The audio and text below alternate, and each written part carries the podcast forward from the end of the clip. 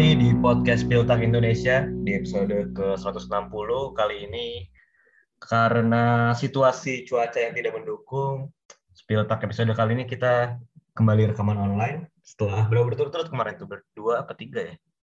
Tapi nggak apa, masih seperti biasa bersama gue Gerhan dan juga ada Adrian, ada Reja yang di rumah masing-masing. Mungkin kita bertanya kepada Adrian dulu nih. Gimana, Adri? Kabar lu masih kepikiran Gramesaurus apa gimana sih?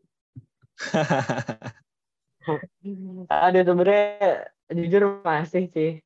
Gue kayak nggak bisa move on dari pertanyaan itu. Soalnya ya sih gue juga jujur aja ada beberapa memang gue sama sekali gue nggak tahu. Cuman Graham Souness itu gue udah bilang sebenarnya gue gue tahu nih bahkan di di foto buremnya itu gue tahu nih rambut ikalnya ini gue kenal cuman gue lupa banget namanya waktu itu jadi Aduh, tapi seru sih uh, dua pertandingan lawan uh, Porsalang, Bang Fuad sama Bang Jerry sih lumayan ini banget apa ketat gitu loh, Ger. Jadi ya kompetitif ya, kompetitif. pengalaman baru lah.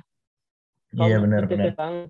Jadi kalau buat yang denger nih mungkin ngomongin apaan sih nih kita kemarin habis ikut registrasi trivia itu medianya siapa? Medianya Bang Pange ya berarti ya? Ya, jadi ya. Iya benar, masih di bawah asumsi ya dia ya. Iya, dia ngadain kuis gitu. Kalau lo tahu juga box to box pernah ngadain dua tahun yang lalu ya. Dan ini kayaknya me, bukan meniru sih, kayak ya membuat ulang lah dengan konsep yang seperti sama itu. Kalau lu gimana aja kabar lu aja? Wah, minggu yang melelahkan nih. Uh, gue sih di atas jam 12 terus. Gokil sampai ini ya. Da, dari dari jauh-jauh gitu kan. Datangnya malam. Emang namanya mencari uang ya. Benar, hasil, hasil. Hasil. Hasil culture. Dan ini juga Jakarta semoga udah ini ya, udah mulai apa jalanannya udah mulai gak chaos lagi karena kan udah banyak yang mau mudik nih. Kayak tinggal seminggu lagi kayaknya nih kan kalau nggak salah tanggal 2 udah mau lebaran tuh. Lu pada nggak ini nggak mudik?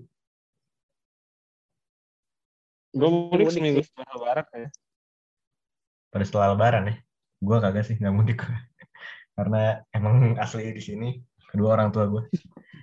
Uh, kalau dari kemarin selain register trivia sebenarnya cukup banyak hal-hal yang ini ya, bikin ramai timeline dan ada juga yang ngetek ngetek tak gitu kan. Min ini bikinin dong tentang Thomas Doll. Uh, pelatihnya Persija. Udah ditagih-tagih itu sekarang tak ya jadi episode kali ini kita bakal ngomongin apa nih? Tentu nanti di segmen pertama kita bakal ngebahas yang baru berakhir pekan lalu dulu yaitu title race di mana Bayern untuk ke-10 kalinya beruntun bisa menjadi juara. Mungkin nanti kita bakal ngebahas sedikit lagi-lagi nih tiap tahun pasti kita bahas ya tapi emang e, karena terus terjadi pasti bakal kita bahas terus e, sampai kapan ini akan terus terjadi dan kemudian e, siapa yang bisa menghentikannya lagi-lagi itu yang bakal kita bahas terus di segmen satu juga kita bakal ngebahas sedikit nanti tentang relegation zone di mana masih ada beberapa klub yang saling berjibaku gitu. Gue sampai lupa anjir ngucapin Bayern juara karena udah terlalu biasa gitu loh. Gue sekarang perspektifnya nonton Bundesliga nggak nontonin yang juara siapa soalnya. Jadi selamat untuk Bayern yang 10 kali juara ya. Nomor satu di top 5 European League yang pernah mencapai 10 kali berturut-turut gitu kan. Dan di segmen kedua karena kita me menampung aspirasi masyarakat gitu jadi kita bakal membahas nih Thomas Doll walaupun uh, hari ini juga kemarin udah gue bikin tulisan di twitternya dan lumayan dapat resepsi yang bagus jadi kita bakal bahas kira-kira cocok apa enggak nih dari sosok ke Thomas Doll untuk melatih tim Indonesia itu Persija Jakarta gitu kan. Sebelum itu kita bakal merecap sedikit ya dari pekan ke-31 kemarin yang berarti sudah semakin menipis nih tinggal tiga pertandingan lagi Bundesliga. Bener banget. Jadi dari pekan ke-31 kemarin ada beberapa hasil yang lagi-lagi mengejutkan dan langsung dibuka juga dengan hasil yang mengejutkan. Karena Wolfsburg yang baru dibantai Dortmund langsung menang 5-0 atas Mainz Untuk pertama kalinya Wolfsburg mencetak 5 gol di babak pertama dan Max Kruse menjadi pemain Wolfsburg pertama yang mencetak hat-trick di babak pertama. Eintracht seri 2-2 dengan Hoffenheim. Evan Dika menjadi pemain kedua sejak Opta mengumpulkan data pada 2004-2005 yang mencetak gol, assist, dan own goal dalam satu laga yang sama. Pemain pertama yang mencetak rekor yang sama adalah Arturo Vidal pada Desember 2010. Greuther Furt lawan Leverkusen menang Leverkusen 1-4. Sardar Azmoun menjadi pemain Iran ke-9 yang mencetak gol di Bundesliga dan menjadi yang pertama sejak Askan dijaga pada Maret 2012. RB Leipzig kalah 1-2 dari Union Berlin di kandangnya sendiri. Union Berlin membalas tuntas kekalahan di semifinal DFB Pokal dan Union Berlin menang dalam tiga pertemuan terakhir dengan RB Leipzig di Bundesliga dan semuanya dengan skor 2-1. Freiburg seri 3-3 dengan Gladbach walaupun sempat comeback ya dari 2-0 jadi 3-2. Dan partai ini Rami Benzema ini mencetak penalti ketujuhnya bersama Gladbach semuanya berhasil meskipun dia baru menjadi algojo ketika bergabung dengan Gladbach. Terus ada juga gol pertama Lars Stindl sejak Brest lawan Arminia Bielefeld pada 12 September. Jadi udah cukup lama ternyata Lars Stindl. Padahal musim lalu lumayan bagus ya dia 17 gol semusim. FC Köln menang 3-1 lawan Arminia Bielefeld, Köln mencetak 3 gol atau lebih dalam tiga laga beruntun untuk pertama kalinya sejak 1992. Lagi-lagi Baumgart efek. Bayern menentukan juara, sorry Adri, menang 3-1 lawan Dortmund. 10 titel beruntun buat Bayern, rekor baru di 5 liga top Eropa menggeser Juventus yang menang 9 musim berturut-turut. Lewi selalu mencetak gol di 8 laga kandang Bundesliga menghadapi Dortmund. Memang ini menjadi mantan yang paling menyakitkan. Bochum kalah 0-2 dari Augsburg di kandang pertama kali sejak Mei 2019 Mikhail Gregoritsch eksekusi penalti untuk Augsburg dan untuk pertama kalinya Augsburg menang saat Gregoritsch mencetak gol penalti dan pekan ke-31 ditutup dengan Hertha yang menang 2-0 atas Stuttgart laga ke-500 Felix Magath di Bundesliga berakhir dengan sangat baik dia mencatatkan tiga kemenangan ya dari lima pertandingan pelatih ketujuh setelah Rehagel, Henkes, Riebeck, Schaff, Latek, dan Funkel yang mencapai 500 laga di Bundesliga. Legend ya. Legend, Felix Magath. Tapi ya lagi-lagi setelah pekan kemarin akhirnya beberapa bukan beberapa ya dua dua kutub berarti di klasemen Bundesliga udah memastikan posisinya gitu. Bayern peringkat satu udah pasti juara dan juga Greuther Furt sudah pasti relegasi dan udah nggak mungkin juga ya nyusul Belfield karena emang secara poin sih bisa, cuman secara goal difference kayak udah nggak akan bisa.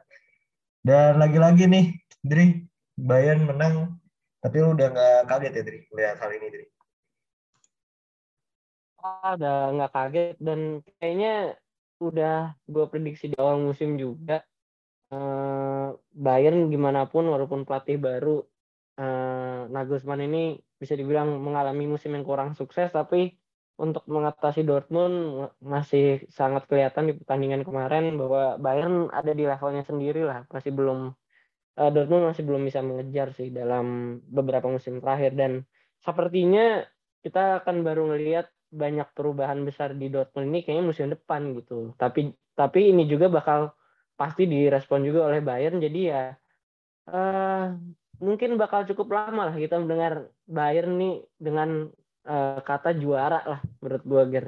Dan ini hanya sebagai apa ya kekalahan Dortmund ini hanya sebagai penutup dari musim yang buruk untuk Bayern sih. Tapi ya benar-benar ketebak lah dari dari cara bermainnya, dari penguasaan bola, dari banyak peluang ya memang Bayern tim yang lebih baik dari Dortmund di pertandingan kemarin, Ger. Iya, dan sesuai prediksi juga ya, sebenarnya nggak ada kejutan di Der Klassiker uh, walaupun ya Bayern mainnya juga nggak terlalu bagus-bagus banget secara peluang juga nggak banyak-banyak banget terutama di babak pertama. Walaupun di babak kedua lebih seru tuh secara intensitas. Uh, Dortmund sempat ngecilin kedudukan tapi ya seperti yang sudah kita prediksi kalau memang Bayern masih tetap bisa menang lawan Dortmund dan langsung mengunci gitu kan juara di depan Dortmund tuh 10 kali lagi dan ini berarti Bayern sekarang hanya terpaut empat piala dari rekor uh, tim juara berturut-turut di Eropa yang pertama kan dipegang oleh Skontoriga. Latvia ya? Iya, klub Latvia yang udah bubar ternyata. Baru tahu gue, udah bubar, udah bangkrut. Dan uh, kalau lu gimana aja melihat musim ini Bayern juara lagi ini kayak sebenarnya episode yang kita ulang-ulang sejak awal kita bikin Spieltag ya dari awal. Karena akhir musim pasti bahas Bayern, akhir musim lagi bahas Bayern juara. Cuman menurut lu ya musim ini kan uh, Bayern sebenarnya nggak terlalu superior gitu ya. Tapi menurut lu kenapa persaingannya nggak begitu seru gitu? Persaingan yang lain kayak nggak take advantage dari kondisi Bayern saat ini menurut lu?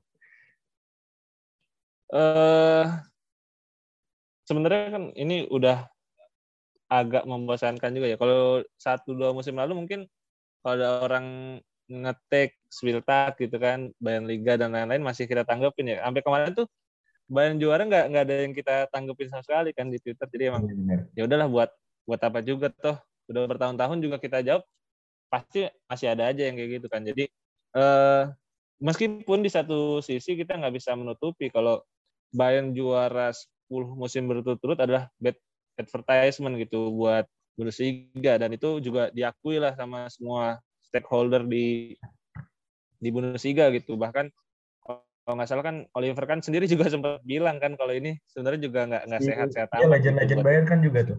Si Philip iya. Toni Kroos.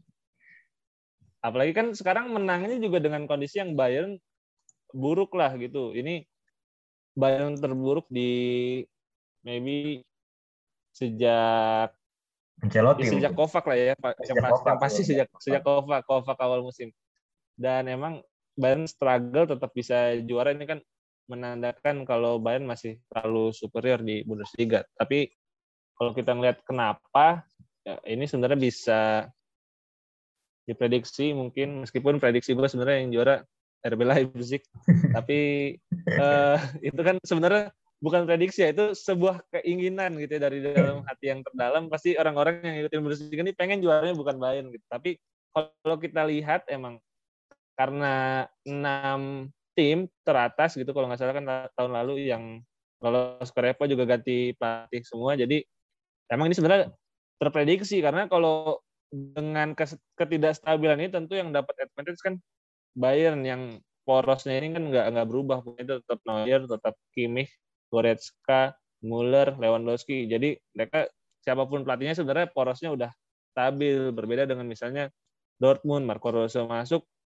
kemudian ada gejolak kan gitu kiper tadinya dari Burki ganti ke Kobel terus kayak RB Leipzig ditinggal dua back utama ditinggal kapten jadi emang sebenarnya secara yang paling stabil Bayern dan ini sebenarnya bisa kita prediksi gitu kan Iya benar. Walaupun prediksi gue juga salah sih, jago Dortmund sih, karena gue emang sangat highly rated uh, si Marco Rose. Yang benar Adrian doang nih.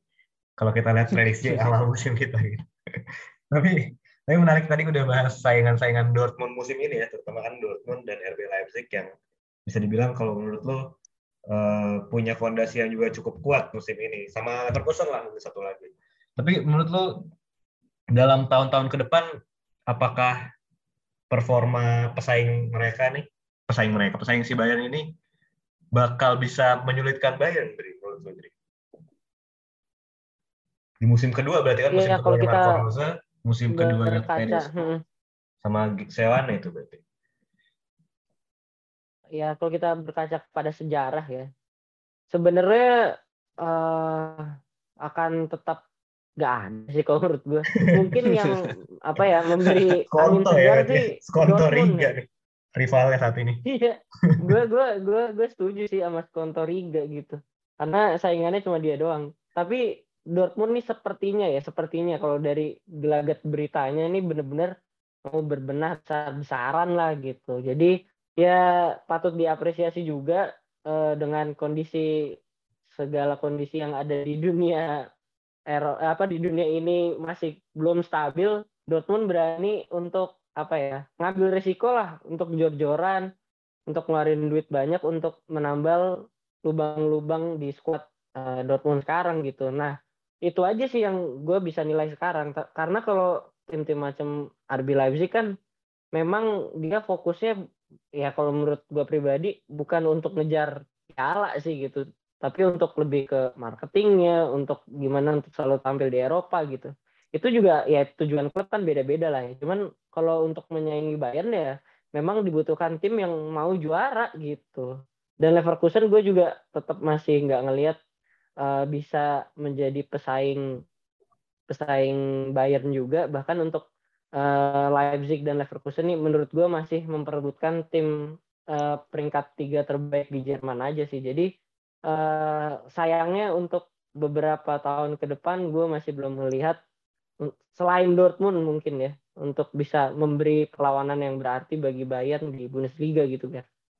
Iya iya benar. Gue juga sedikit setuju sih dengan pernyataan lu karena gue nggak melihat Bayern ini bakal menurun sampai mungkin empat tahun ke depan. Mungkin bakal lagi-lagi ditentukan oleh gue setuju dengan perkataan Lothar Matthäus yang dia bilang kalau masih ada Muller, Neuer sama Lewi di Bayern itu sampai kapan pun mungkin nah, bakal bisa di setuju gue. Gue juga setuju banget. Dan untuk pesaing-pesaingnya sih saat ini mungkin sudah berada di dalam track yang benar gitu ya ngelihat gimana gelagatnya dari bahkan bursa transfer belum dibuka udah banyak rumor-rumor gitu. Tapi kalau menurut lu gimana aja?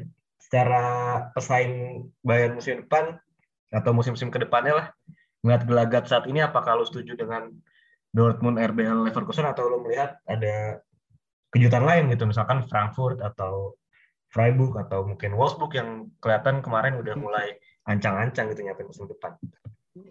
Enggak, enggak, enggak. Masuk, masuk ke bantai sama Dortmund 6-1 gimana ceritanya? Oh, kan masih malu peringkat Kalau lihat, ya, peringkat berapa sih? Nyondok di peringkat atas. Kan Oliver Glasner master kelas oh, iya. itu. Eh Oliver Glasner. Iya Oliver Glasner kan benar. Benar, benar. Iya bisa ngalahin Barcelona kan contohnya Glasner. Jadi emang itu faktor pelatih sih. Dan emang uh, untuk menyaingi Bayern menurut gua kalau pemain kan pasti kalah lah ya sama Bayern karena finansialnya juga beda. Menurut gue ya faktornya pasti di pelatih. Kan Dortmund juga waktu itu juara karena faktor Jurgen Klopp kan. Dan menurut gue ini bakal vital banget dan menurut gue sudah berada di jalur yang tepat lah. Marco Rose di Dortmund, Gerardo Seoane di Leverkusen, Tedesco di RB Leipzig nih pelatih pelatih top semua dan emang harus ada musim panas yang besar lah khususnya buat Dortmund sama Leverkusen. Kalau RB Leipzig sendiri menurut gue kuncinya cuma satu sih di musim panas nanti. Kalau mereka bisa mempertahankan Christopher Nkunku menurut gue title race musim depan bakal seru sih. Itu itu doang kuncinya. Karena musim ini Nkunku doang gitu yang yang benar-benar mencuri perhatian sisanya permainan kolektif kan dari belakang sampai depan semuanya menurut gue konsisten tuh dari Guardiol si Makan yang baru datang ada Hendrix naik kan sama Tedesco sampai ngegeser Mukiele. Jadi kalau mereka bisa mempertahankan Nkunku nih karena Nkunku kan mau nggak mau nih star player dari RB Leipzig musim ini. Menurut title race musim depan bakalan seru. Jadi Nkunku please jangan gabung Erik Ten Hag dulu. Iya, kabarnya juga udah diincar tim-tim lain dan harganya juga untungnya mahal sih. Dan gue ngeliat RB Leipzig juga kelihatan lebih serius, ambisius juga karena seperti yang kemarin ada berita pemain-pemain barunya tuh nggak punya rilis clause gitu. Guardiola nggak punya rilis clause. Nkunku juga kalau nggak salah nggak punya rilis clause. Itu kan juga permintaannya RB Leipzig ya 75 juta. Itu udah cukup gede dan, sih. Dan ini sih, Ger. Dan emang secara perencanaan squad RB Leipzig beneran serius gitu kan dia udah ngerekrut Mike van der Voort buat dua musim yang akan datang kayak Cadan Club yeah. nih. Nanti Januari tahun depan baru datang kayak si kiper kedua juga diperhatiin kan rekrut yang dari Heracles. Jadi emang secara perencanaan squad RB Leipzig bahkan mungkin ada di depannya Bayern. Iya, ya, gue juga setuju sih. Jadi jadi kita tim RB Leipzig musim depan dong. Sorry, Dri, sorry, Dri. mungkin kita kalau tadi bahas uh, di papan atas tuh dan ya di kutub juara udah keluar uh, hasilnya Bayern yang juara. Di papan bawah nih, uh, kemarin Furt udah pasti terdegradasi dan tinggal menunggu siapa nih yang bakal menemani Greuther Furt sampai saat ini sih uh, calonnya berarti ada empat tim.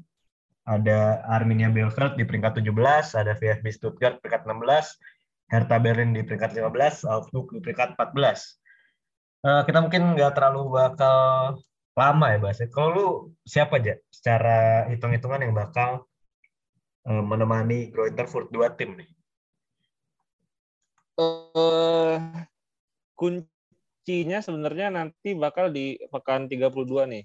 Pekan ke 32 Arminia Bielefeld versus Hertha Berlin. Kalau Arminia Bielefeld di situ bisa menang, menurut gue nanti persaingannya bakal seru antara Stuttgart, Hertha Berlin, sama Arminia. Cuman kalau Hertha at least seri, menurut gue nanti persaingannya tinggal dua ya tuh antara Stuttgart sama Arminia Bielefeld dan nantinya bakal tinggal ngerebutin siapa yang degradasi langsung, siapa yang ke playoff kan. Dan so far sih Arminia yang paling menurut gue bener-bener hancur lah ya di di putaran kedua khususnya karena mereka kayaknya udah lama juga gitu nggak pernah menang dan di eh, tiga pertandingan tersisa nih salah satunya nanti selain lawan Hertha salah satunya bakal lawan RB Leipzig. Nah kita juga nggak tahu nih RB Leipzig nanti di pekan terakhir apakah masih butuh kemenangan buat mengamankan slot Liga Champions atau enggak. Sementara itu Stuttgart secara jadwal juga sebenarnya masih ada satu pertandingan sisa lawan Bayern yang susah juga. Tetapi kalau harus milih sih gue rasa Arminia 17, Stuttgart di 16 sih. Relegation playoff ya berarti ya. Dan kalau kita lihat Bundesliga tuh enaknya gitu. Jadi misalkan tim lu ada di papan bawah nih, ah seenggaknya masih bisa berharap di relegation playoff. Lawannya peringkat tiga dua Bundesliga kan biasanya nggak konsisten tuh. Nah, kalau lu gimana Dri? Dari empat tim tadi Dri? gue setuju sih sama Reja kayaknya Arminia ini dalam empat atau lima pertandingan terakhir ini kebobolannya banyak banget gitu lawan Mainz kebobolan 4, Wolfsburg kebobolan 4, lawan Bayern kebobolan 3, lawan Köln kebobolan 3. Jadi memang uh, secara bertahan ini udah buruk, tren uh, tanpa kemenangannya juga lumayan lama gitu. Nah ini uh, yang aneh nih Hertha setelah kalah lawan uh, Union justru bisa menang dua kali berturut-turut gitu lawan tim yang juga uh, berjuang untuk keluar dari apa nggak masuk zona degradasi jadi gue lebih uh, condong ke Arminia sama Stuttgart yang sama-sama uh, formnya lagi jelek dan masih ketemu tim-tim besar gitu. Kalau gue juga setuju sih kalau peringkat 17 mungkin Arminia ya. Karena melihat performa di putaran kedua kayak yang lu bilang tadi, ya banyak pemain yang udah off dan kayaknya kehilangan motivasi juga ini mirip kayak di Werder Bremen gitu. Di mana ketika lo uh, terlalu lama di papan bawah atau lama kalah terus itu bakal sulit banget untuk balikin motivasi dan tiga poin itu sangat berharga jadi gitu menang. Dan kayak siapa ya Masayo Fugawa kan putaran pertama tuh jago. Terus iya benar. Kayak bisa bikin 8 gol gitu kan. Sementara ini belum bernambah-nambah lagi sejak itu. Jadi emang benar-benar menurut gue udah uh, sudah kehilangan motivasi dan pelatih juga kemarin ganti. Yang bingung sebenarnya nih Stuttgart nih kemarin sempat agak menanjak gitu, cuman udah empat pertandingan nggak pernah menang lagi. Yang keren justru Hertha sih. Jadi kalau gue sih tetap berharap Hertha Berlin di peringkat 16, cuman kayak agak sulit sih. Jadi gue juga setuju lah ini mungkin udah jadi gambaran lah 18 Frankfurt, 17 Bielefeld, 16-nya Stuttgart. Tinggal kita lihat nih relegation playoff nanti bakal lawan siapa sih peringkat 16 itu si Stuttgart. Apakah Hamburg, apakah San Pauli, Darmstadt masih banyak banget. Nürnberg juga masih bisa gitu kan. Schalke juga masih bisa. Werder juga masih bisa sih semua. Semuanya masih bisa lah. Jadi lebih baik kita menonton Bundesliga 2 sampai akhir musim gitu kan. Atau enggak mungkin kita bakal menonton ini ya. Liga 1 musim depan. Karena bakal ada pelatih Jerman yang datang ke Indonesia dan melatih uh, klub Indonesia itu Persija Jakarta bakal dilatih oleh Thomas Doll. Jadi kita bakal ngomongin nih kapan lagi kan kita ngomongin Liga Indonesia nih Spiltak jadi podcast Liga Indonesia. Nanti kita ngomongin di segmen kedua.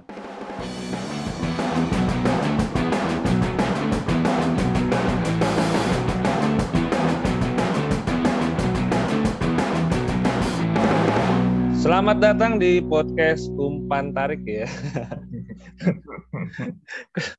Jadi di episode kali ini akhirnya kita dapat kesempatan ya Gil, untuk bisa membahas Liga 1, membuat Spiltak menjadi relevan ya dengan para penggemar sepak bola lokal.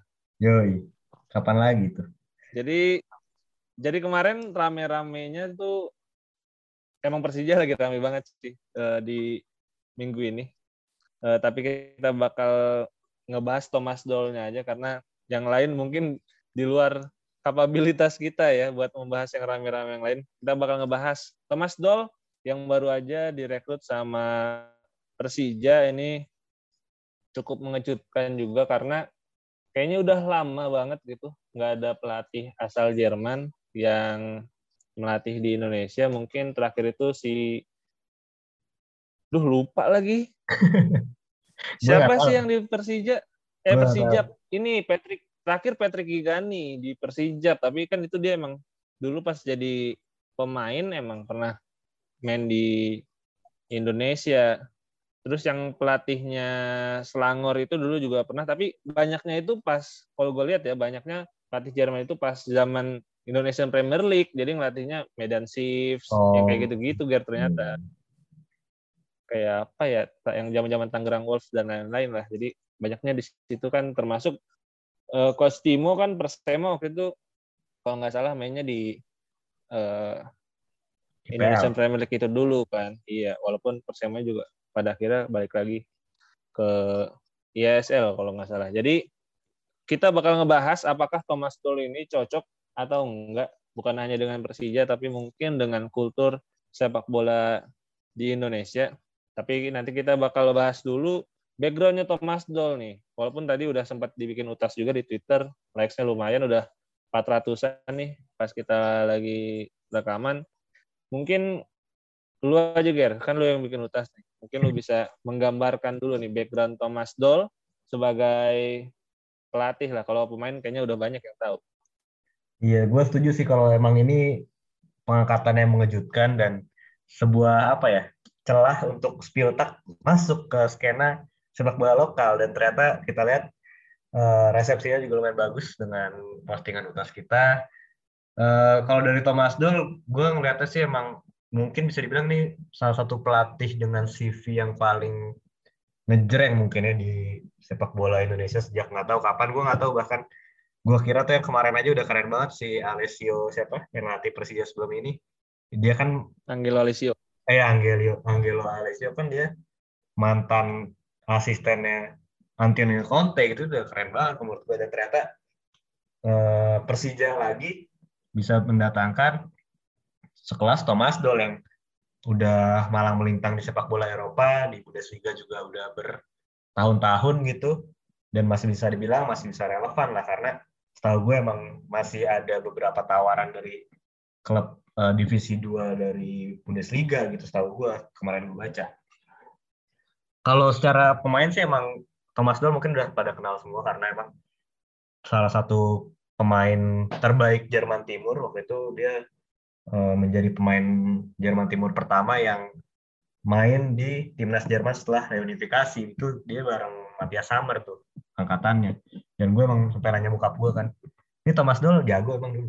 Oh iya jago dia dulu bagus dia bagus, soalnya dia pernah main ini kan sama di Lazio sama Gascoigne juga jadi emang lumayan terkenal.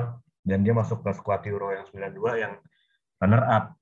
Dan habis itu dia pokoknya mulai menurun akhirnya dia pensiun di Hamburg tuh tahun 2001 habis itu dia melatih tim mudanya Hamburg U19 ke Hamburg 2 dan pada 24 akhirnya dia diangkat tuh jadi caretaker awal ya dan kalau kita lihat sebenarnya secara kepelatihan ini sering banget si uh, Thomas Doll ini diangkatnya sebagai caretaker awalnya jadi kenapa gue tulis pelatih ban serep di utas itu karena emang uh, bisa dibilang nih spesialis lah salah satu spesialis mungkin kalau di Liga Inggris ada Sam Allardyce terus ada siapa lagi uh, kelasnya siapa lagi ya?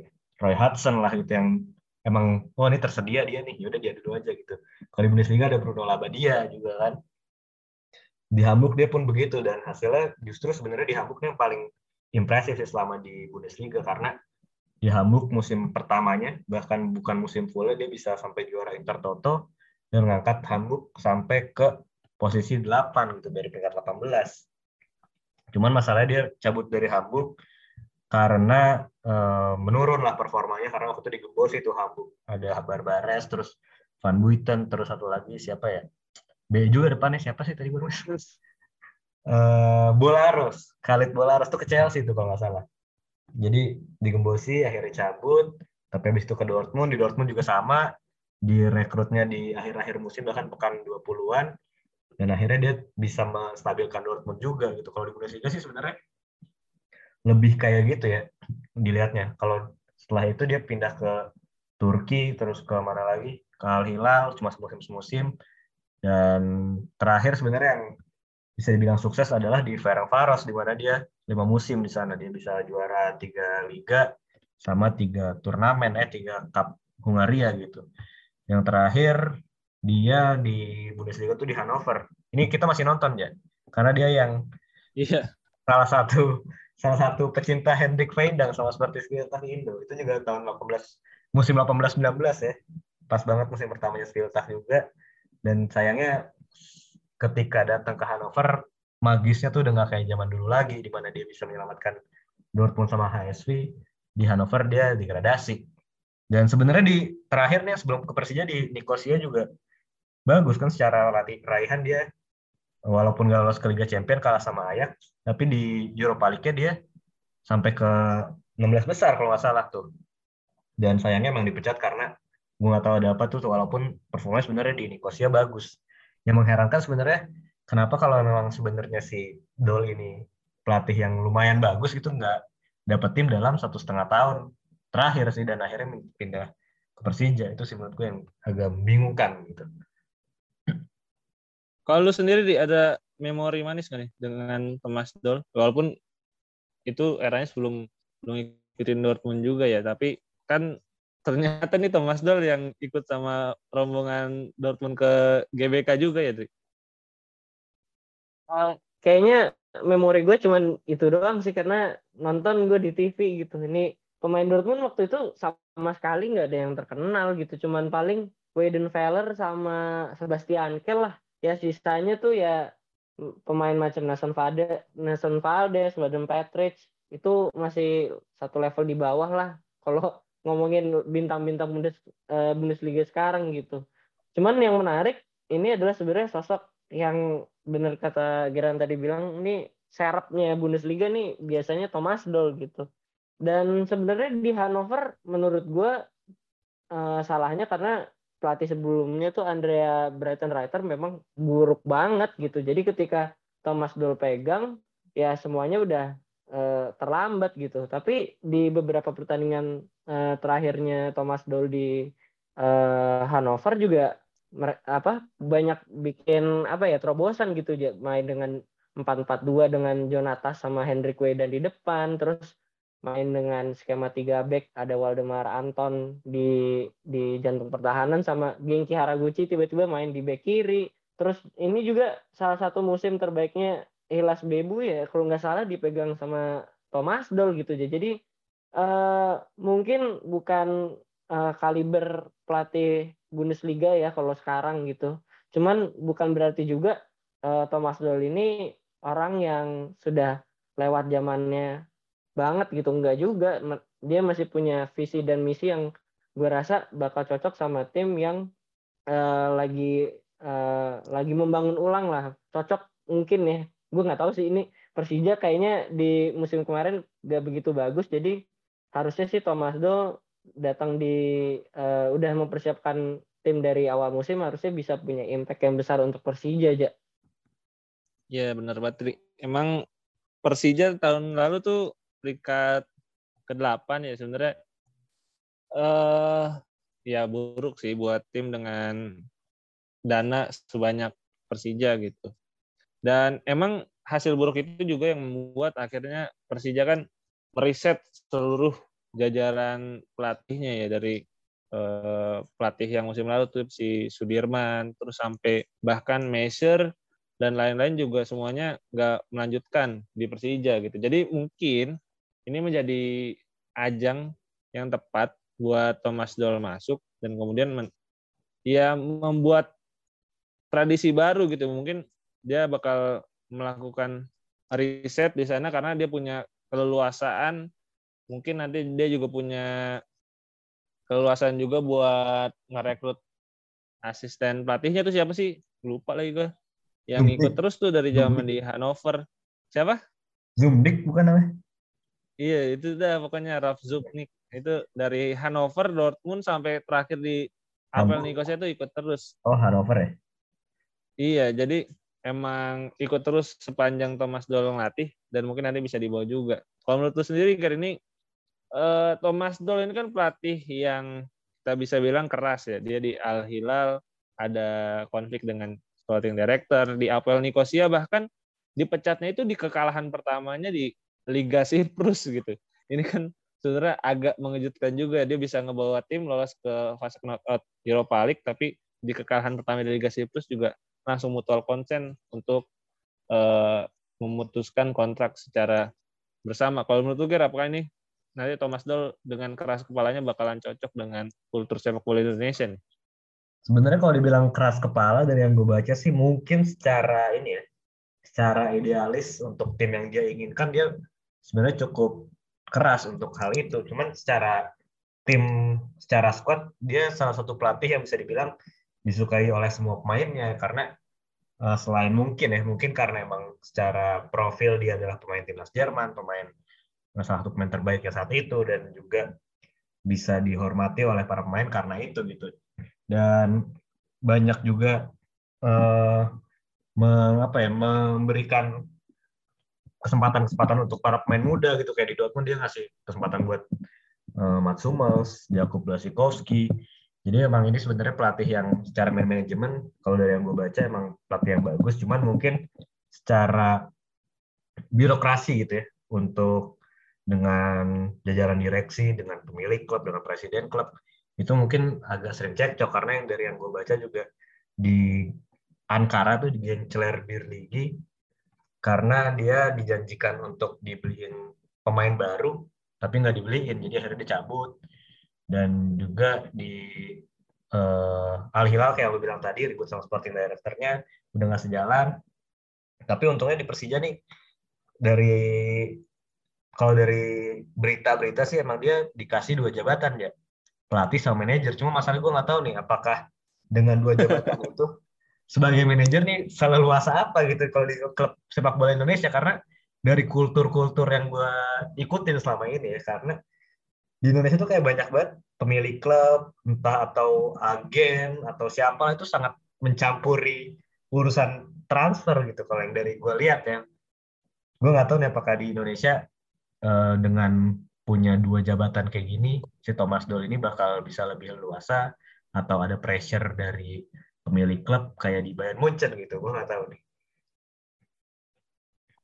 Iya sih emang ini nanti kita bakal sama-sama lihat sih. Dan menurut gue juga menarik juga sih uh, Thomas Doll pernah melahirkan beberapa pemain muda gitu. Kayak tadi Kuba terus mau basic ya pas di Ferencvaros tuh dia juga yang lumayan menaikkan namanya. Dan di Persija saat ini juga kebetulan kan banyak banget gitu pemain muda yang berbakat. Jadi di satu sisi tahun lalu sebenarnya gagal secara performa tapi di satu sisi yang lain juga mampu mengorbitkan beberapa pemain muda yang menurut gue sih menarik gitu kan. Ada Taufik Hidayat, ada Dwiki Arya, Rio Fahmi, Braif Fatari, terus ada juga Niko Alfrianto, dan baru mendatangkan juga kan beberapa pemain uh, ex timnas junior ataupun yang sekarang masih timnas junior kayak Firza Andika dan juga Hanif Syahbandi. Jadi menurut gue nih bakal menarik dan menurut gue Thomas Doll juga mungkin mendapat kemewahan karena Persija nih salah satu tim yang memiliki dukungan finansial cukup stabil lah ya hitungannya di Indonesia. Mereka bisa datengin uh, Konate makan di tengah musim lalu terus Syahrian Nabi Manyu kan juga dengan transfer fee ya dia ngedatanginnya dari Johor Darul Takzim. Kalau menurut sendiri ini Thomas Doll kayaknya sih bakal dapat keleluasaan dan juga nih sebenarnya kan tipe pelatih yang tidak memaksakan idealismenya gitu. Kalau Angelo Alessio gue lihat sih lebih sangat Itali gitu ya dia main 4-3-3 pernah sih nyoba 4-4-2 tapi banyaknya di 4-3-3 dan ketika plan A-nya nih nggak jalan plan B-nya dia sulit karena kalau dari Indonesia Persija sih bilangnya Angelo Alessio ini terlalu mendetail gitu ya. Ini mungkin kalau bahasa pelatihnya dia terlalu mikro taktik gitu, hal-hal kayak misalnya fullback ke tengah atau mungkin false nine dan lain-lain gitu ya karena orang Indonesia kan lebih paham dengan makro taktik berubah posisi artinya berubah formasi lah ibarat gitu. Kalau lu lihat sendiri gimana Dri? Ini Thomas Doll cukup fleksibel, mampukah dia nantinya uh, membuat pemain-pemainnya nanti bisa menyesuaikan dengan ya taktiknya yang menurut gue lumayan Jerman sih. Kalau menurut gue sih kalau tipe pelatih yang seperti ini sebenarnya hanya butuh ya bukan hanya sih ya.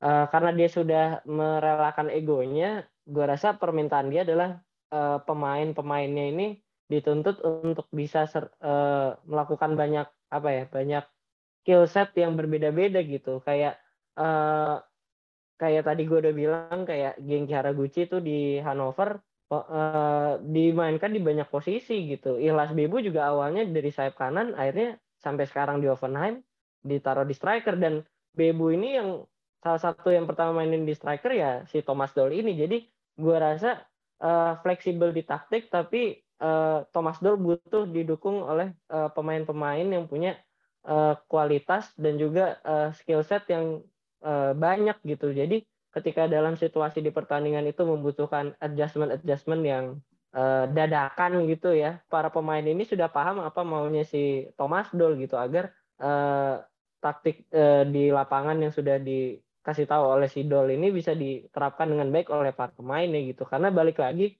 pema, uh, pelatih ini kan tugasnya untuk merumuskan saja gitu ya tapi anak uh, didiknya yang memang yang harus mengeksekusi dengan benar gitu. Jadi percuma juga kalau kalau Thomas Dollnya sudah paham betul apa yang diinginkan, tapi ternyata komposisi pemain yang dia punya nggak mencukupi itu. Jadi gue rasa kalau Persija uh, mau Thomas Doll ini bisa bermain apa bisa melatih dengan baik ya harus sanggup untuk uh, mendatangkan pemain yang dianggap cocok dengan skemanya Thomas Doll gitu sih. Ya. Slow, Dri. Persija kan punya ini. James Miller Indonesia. Toncip, Toncip. Toncip. Haraguchi kalah. Kalau soal versatilitas sama Tony Stifto ya kan.